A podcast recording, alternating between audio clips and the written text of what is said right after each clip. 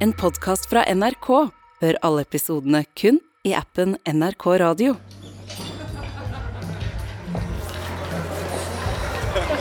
Hei. Hei. Hei. Hyggelig. Hyggelig.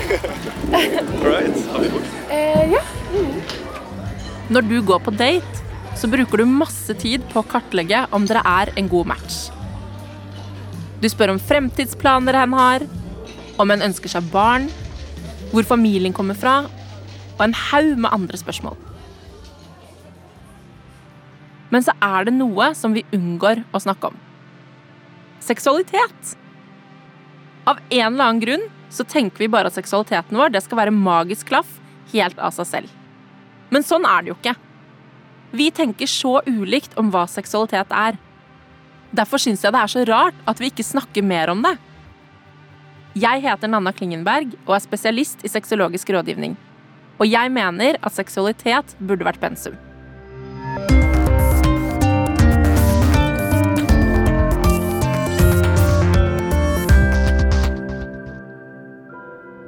Men hva er egentlig denne underkommuniserte seksualiteten? Og hvordan kan vi få til å snakke om den? For å svare på disse spørsmålene må jeg avklare en ting først. Hva betyr egentlig seksualitet? Når jeg sier seksualitet, så tenker du helt sikkert på ligging. Noen tror den seksuelle delen av å sitte mellom beina, men den sitter like mye mellom ørene. Dette sa Bent Høie i Strategiplanen for seksuell helse for noen år siden. Og Høie har helt rett.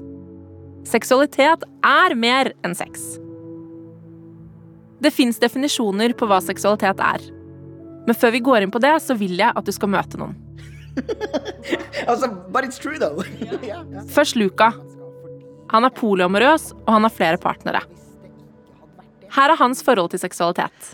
Uh, seksualitet for meg er en drivkraft i livet mitt som jeg tror påvirker nesten alt jeg gjør, og som føles ut som min hovedmotivasjon for å leve eller eksistere i verden.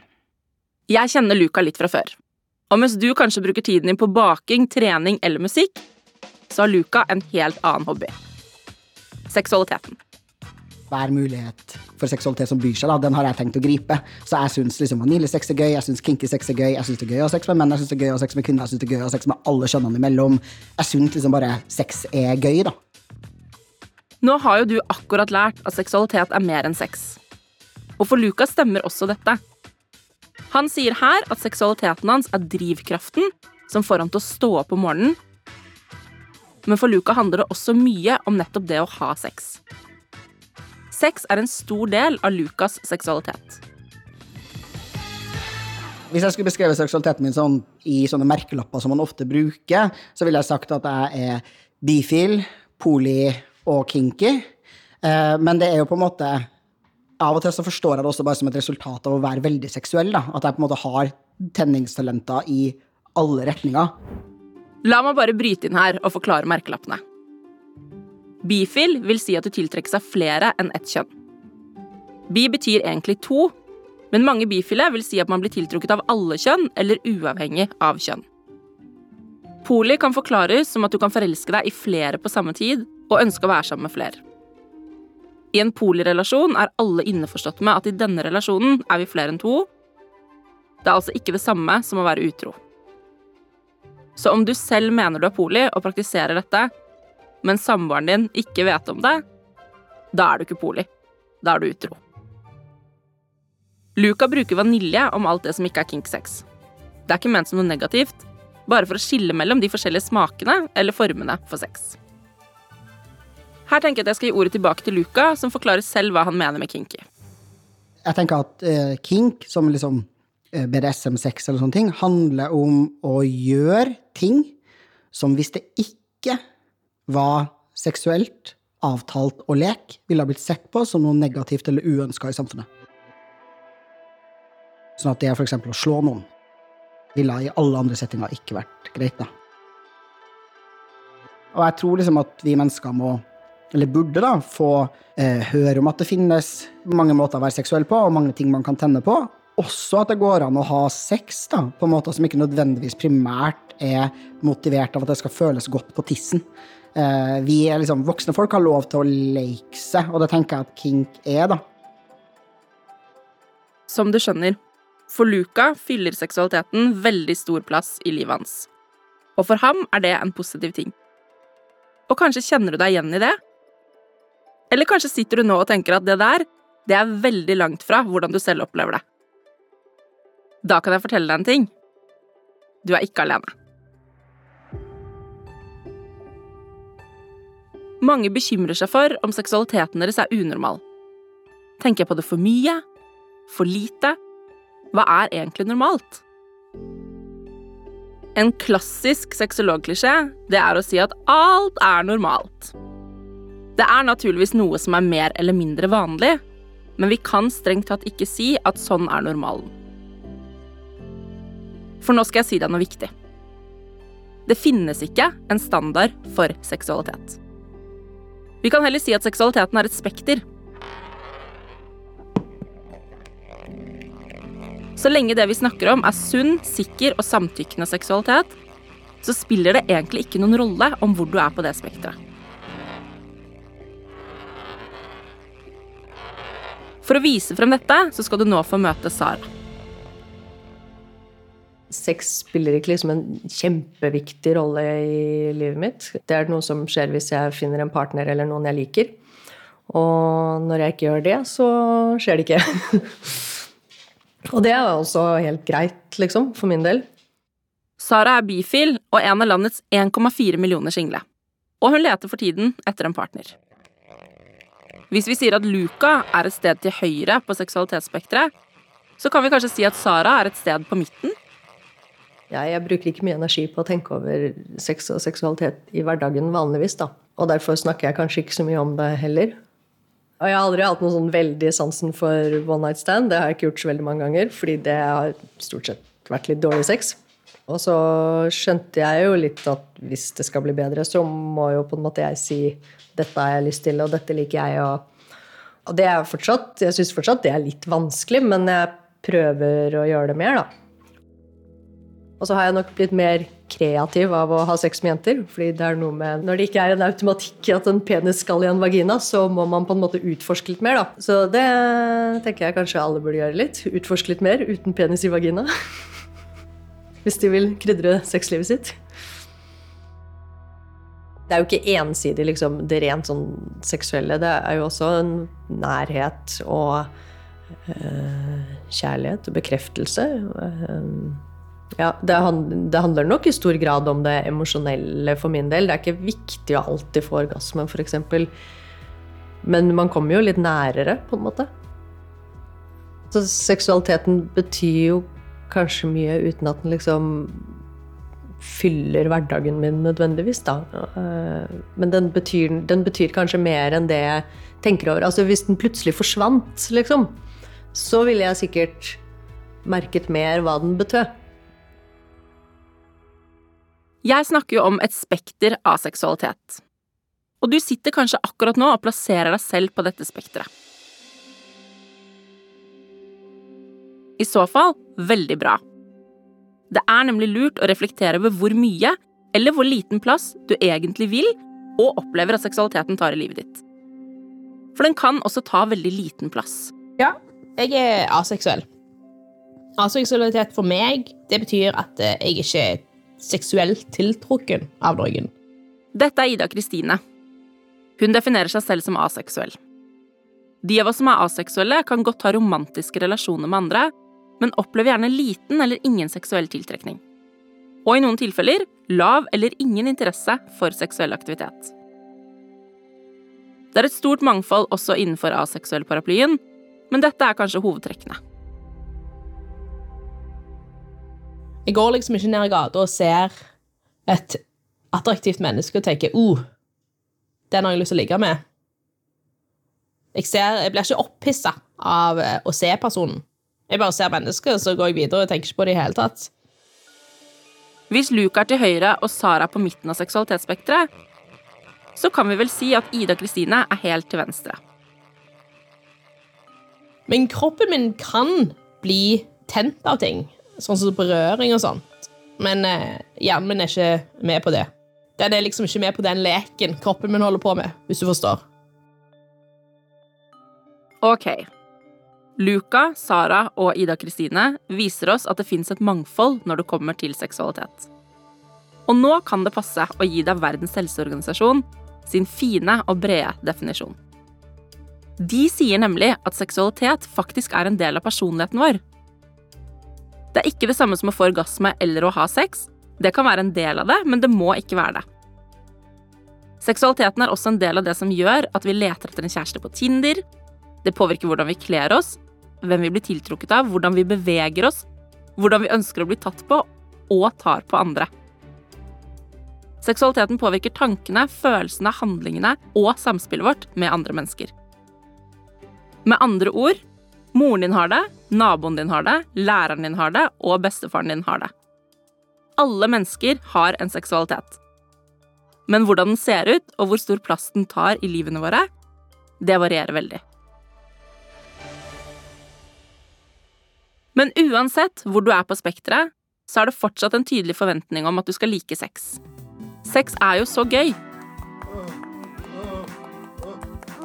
Porno er lettere tilgjengelig enn noen gang, og overskriftene i avisene roper mot deg på gata. For ikke å snakke om i populærkulturen. Hør på det her. Sex with me so amazing.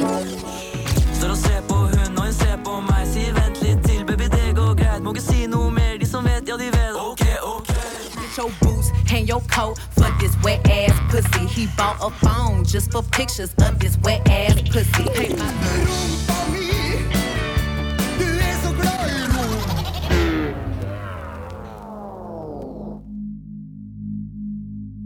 Når forventningen rundt oss om å like sex er så sterk, hvordan var det da for Ida Kristine å finne ut at hun var aseksuell? Det har, eh, det har vært utrolig vanskelig, egentlig. Først og fremst har det vært vanskelig å finne ut av det. Jeg gikk til legen, og hun sa bare nei, nei, vi finner ut av det. Vi finner ut av hva som er galt med deg. Hun prøvde å gi meg medisiner, og, og så sendte hun meg videre til sexolog.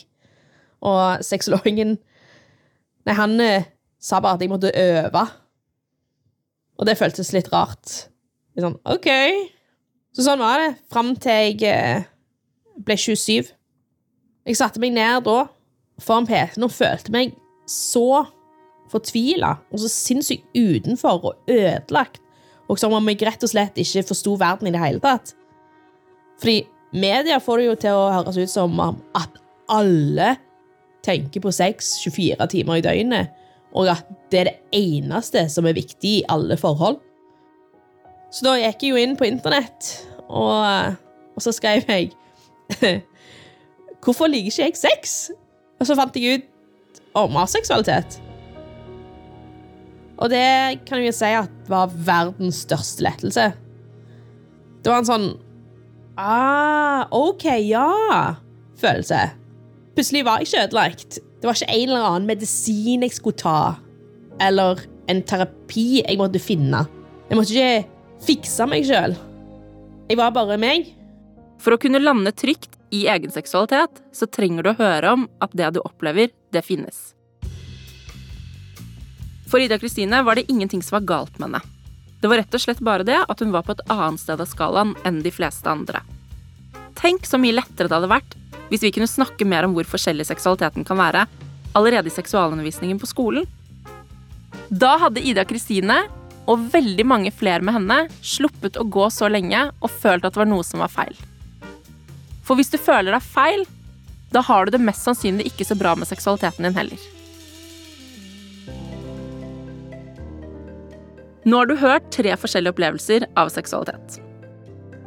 Felles for de tre er at de har det bra med sin seksualitet nå. Etter å ha gått noen runder med seg selv, utforsket og satt ord på egne grenser og behov. Men det er ikke så lett å gjøre alltid. Hvor skal du begynne? Hva er det du skal kjenne etter? Hva er det egentlig du skal sette ord på?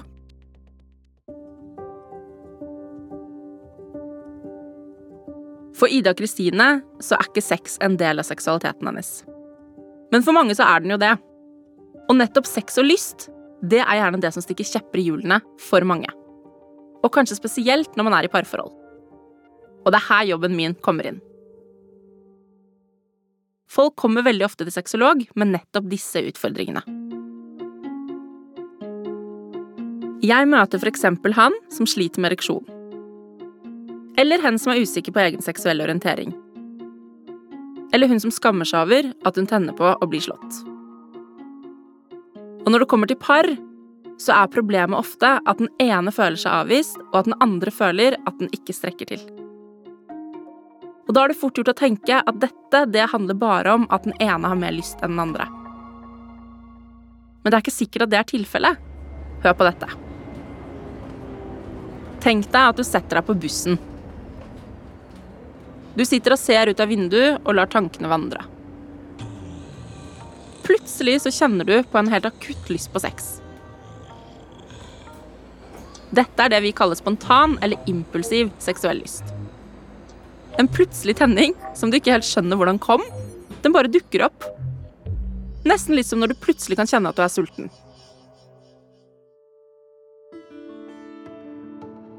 Tidligere har man kanskje snakket mest om akkurat den impulsive formen for tenning. En slags lyst som bare oppstår. Dette har også skapt forventninger om at det er sånn man kjenner at man har lyst på sex.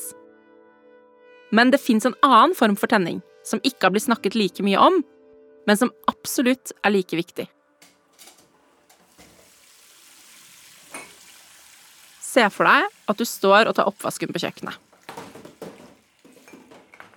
Du står i dine egne tanker, og så kommer kjæresten din bort og kysser deg i nakken. Akkurat på den måten som du liker best.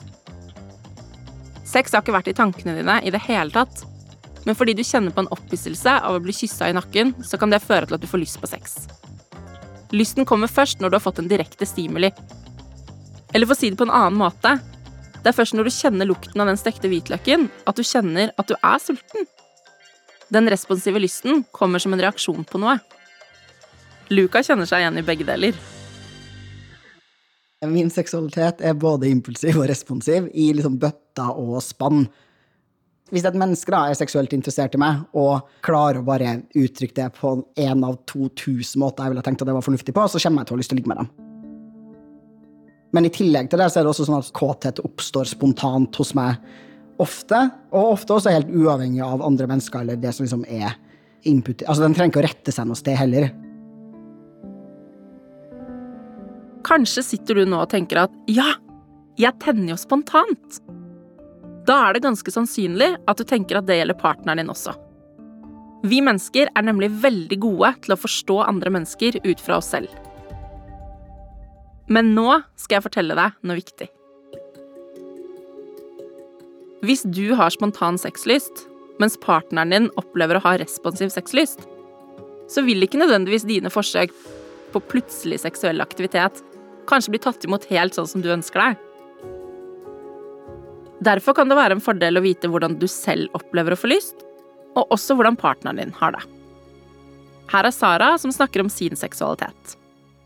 Jeg tenkte vel litt over det da jeg liksom forelsket meg i en jente for første gang. Og oppdaget at det kunne jeg også, selv om det ikke var noen stor overraskelse. Men da tenkte jeg jo i hvert fall litt sånn over hva, hvordan man gjør sex, da. Og ble på en måte litt nervøs på nytt. Og så har jeg en god venninne som jeg snakket med, og hun sa sånn Ja, men det må du ikke tenke på, fordi når man har sex med nye mennesker, så må man uansett bli sexkjent. og det syns jeg var veldig fint. Så jeg tror hun mente at man må på en måte finne ut av hva hverandre liker, og hvordan man skal gjøre det. Og det gjør man jo kanskje med å snakke sammen. det syns jeg er litt kleint, men jeg har blitt bedre på det fordi jeg har øvd meg og tenkt at dette blir liksom ikke bra før jeg klarer å si litt om hva jeg liker og hva jeg har lyst til. Jeg er helt enig med Sara her. Men hvordan snakker du om hva du liker? Her er noen konkrete ting som du kan tenke over og snakke med partneren din om. Hvor mye eller lite sex vil du egentlig ha? Når på døgnet har du mest lyst på sex? Hvis det er litt dårlig stemning mellom deg og partneren din, blir du mer eller mindre kåt av det? Eller hva hvis du har mye stress på jobb? Og hva med alkohol? Hvordan påvirker det lysten din? Eller hva med skitten oppvask og hybelkaniner? Kanskje partneren din har lyst til å ha sex mens det lekker fra taket, og dere akkurat har krangla, mens du trenger å få tekket taket, vasket huset og bli venner igjen før du i det hele tatt kan tenke deg noen form for ligging. Dette kan det jo være greit å være bevisst på. For hvis du blir bevisst på dette, hvis du får kunnskap om hvordan partneren din opplever sin seksualitet, så kan det jo hende at dere sammen kan legge noen planer for hvordan begge parter kan få det best mulig i relasjonen. Det er jo win-win. Og så kan dere jo også snakke om seksuelle fantasier. Hva tenner du på? Hva fantaserer du om? Og hva er det du egentlig har lyst til å utforske mer? Hvis du syns det er litt vanskelig å dele ting du fantaserer om, så kan du f.eks. skrive det på en lapp. Eller så kan du si at du har sett en film eller at du har hatt en drøm hvor akkurat det du fantaserer om, ble vist, og at det kanskje virker litt spennende å prøve. Hvis du ble litt gira nå og tenker at yes, jeg tar den praten i kveld, så er vi ferdig med det, så må jeg nok skuffe deg litt. Virkeligheten er ikke så enkel at én samtale er nok. Seksualiteten vår endrer seg nemlig gjennom hele livet. Så vi må snakke mye om det gjennom hele relasjonen. Impulsiv eller responsiv sexlyst kan variere gjennom livet og gjennom forhold. Ofte har man kanskje mer impulsiv lyst når man er nyforelska og hormonene raser, og så kan det hende at det endrer seg når den verste rusen har lagt seg og hverdagen er tilbake. Eller kanskje det bare endrer seg for én av partene. Lysten din kan variere etter hvor du er i menstruasjonssyklusen. Kanskje opplever du f.eks. å ha mer spontan lyst under eggløsning. Eller kanskje på sommeren. Seksualiteten vår endrer seg også med alderen, med barnefødsler, med sykdom, med traumer og andre hendelser. Så den seksualiteten du har akkurat nå, den er rett og slett ferskvare. Ok. Nå har jeg vist deg at seksualitet er mer enn bare sex. Du har hørt at seksualitet er et spekter, og at det er veldig varierende hvor mye plass den tar i livene våre. Du har også lært at dersom sex er en del av din seksualitet, så kan det være lurt å bli kjent med hva som påvirker lysten din. Og gjerne også hva som påvirker partneren din sin. Og nå skal jeg gi deg mitt aller beste råd. Snakk sammen om seksualitet. Det er mitt viktigste råd til alle par som sliter i forholdet. Det høres så banalt og enkelt ut, men likevel er det så vanskelig. Hvorfor det? Fordi vi blir flau, og så tror jeg vi blir veldig veldig redd for å bli avvist på det som er så nært da, og intimt for oss. Her er Luka igjen. Og jeg tenker at det er nok lurt å snakke om det i hvert fall fra begynnelsen av. For det er veldig vanskelig når man har hatt sex med den samme personen i et år, da. Så er det ganske tøft å si sånn Du, jeg syns at den her doggystyle-sexen vi har hatt veldig, veldig masse av det siste året, og som du har tenkt at jeg digger skikkelig hardt eh, Jeg syns ikke det er noe digg i det hele tatt. Det er på en måte litt sånn for seint. Snakk om det. Og jo før, jo bedre. Og til deg som skal ta imot, vær åpen og nysgjerrig. Tenk heller på det som en skikkelig fin tillitserklæring at noen vil dele sine innerste tanker og fantasier med akkurat deg. Selv om det ikke er akkurat det du selv ønsker deg eller fantaserer om, så i hvert fall ikke si æsj. Men si heller at det høres spennende ut. Jeg vet ikke helt om det er for meg, men jeg setter pris på at du forteller meg om det. Og hvorfor er det så viktig å snakke om? Fordi en god seksualitet fører til god seksuell helse, og det er dritviktig! Det handler ikke om å ha sex, eller hva slags sex du eventuelt har. Det handler ikke om hvor mye eller hvor lite eller på hvilken måte. Men det handler om å gjøre det som føles riktig for deg, og at du opplever fysisk, psykisk, emosjonelt og sosialt velvære relatert til seksualiteten din. Det handler om seksuell helse. Og ingen sier det vel bedre enn gode, gamle Helsedirektoratet. God seksuell helse er en ressurs- og beskyttelsesfaktor som fremmer livskvalitet og mestringsferdigheter gjennom hele livet. Så selv om det kan være skummelt og litt vanskelig å snakke om seksualiteten, så får du ikke bare et bedre forhold til deg selv og en eventuell partner om du likevel klarer å snakke om det. Du får bedre livskvalitet. Dette er jo bedre enn fem om dagen. Mitt navn er Nanna Klingenberg. Jeg er spesialist i sexologisk rådgivning, og jeg vil at du skal huske på disse tre tingene. 1. Seksualitet er et spekter, og det fins ikke en one size fits all. 2. Impulsiv tenning er å få plutselig lyst på sex. Responsiv tenning er å få lyst etter f.eks. berøring. Begge er like bra. 3. Du må snakke om seksualitet med partneren din. Har du lyst til å høre andre ting som burde vært pensum? Jeg kan anbefale episoden Hva gjør en stortingsrepresentant? med jusforsker Sofie Høgestøl. Burde vært pensum hører du i appen NRK Radio. Burde vært pensum er laget av Lyder Produksjoner for NRK. Produsent Henriette Aurtande. Eksekutiv produsent Christian Marstrander. Musikken er laget av Halvard Hagen og Jens Petter Nilsen. Lyddesign ved Sondre Myrhol. Og ansvarlig redaktør fra NRK, Ole Jan Larsen.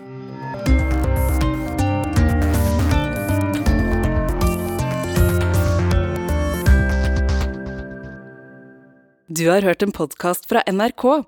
Hør alle episodene kun i appen NRK Radio.